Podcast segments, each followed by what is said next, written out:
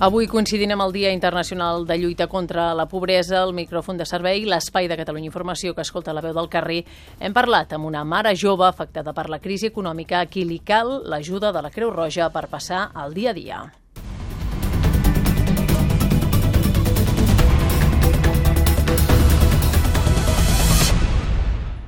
Anem cap a la Creu Roja de Mataró per conèixer els perfils de la gent que atén. Unitat Mòbil a Mataró. Jesús López i Mireia Sala, bon dia. Bon dia, doncs ara som a la seu de la Creu Roja de Mataró, com deia. Avui tenim amb nosaltres la tècnica responsable dels programes de lluita contra la pobresa i l'exclusió social, la Jordina Gual. Bon dia. Bon dia. Quin és el perfil d'usuari a qui doneu atenció? A veure, en aquests últims, en aquest últim any el perfil s'ha diversificat molt. Hi ha famílies que fa molt de temps que rebien aliments nens, però sobretot hi ha moltes famílies que ara mateix es troben en una situació que fins ara no s'havien pensat mai que necessitarien en algun moment l'ajuda de, de Creu Roja. Són gent que tenia feina i, i el perdre la feina és el que els ha fet necessitar l'ajuda? O? Sí, bàsicament hi ha moltes famílies que, que això, no? que o bé un dels membres o bé tots dos han perdut la feina i a partir d'aquí doncs, han de fer front a tota una sèrie de despeses que continuen tenint i llavors en sorgeixen tota una sèrie de dificultats per cobrir les necessitats bàsiques d'alimentació, d'habitatge, de pagar subministres, etc. No? Realment la situació es complica. És gent sense titulació, amb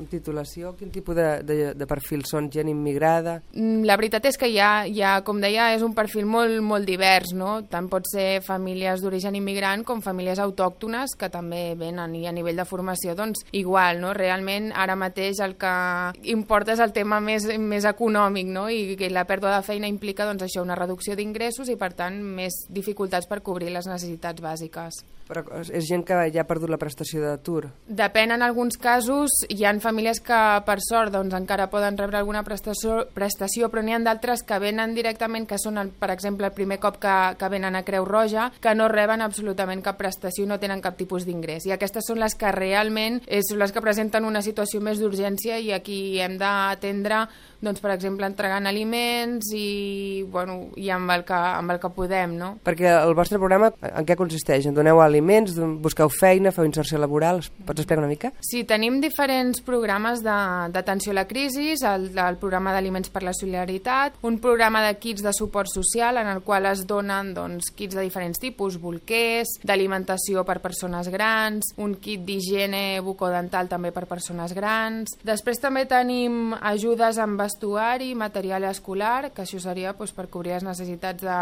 infantils, um, i llavors doncs, ja aniríem al tema de, de les joguines, que també això ho fem durant la campanya de, de Reis de, per Nadal. Accepteu ja donacions de famílies que vulguin regalar una joguina a la Creu Roja? Sí, però que sigui nova, que és això que el requisit aquest que es va parlar, no? que realment és important que com a mínim puguem donar una joguina que sigui nova, no? que no estigui en mal estat. Doncs Jordina Gual, tècnica responsable del programa de lluita contra la pobresa i l'exclusió social, moltes gràcies i bon dia. Gràcies, bon dia.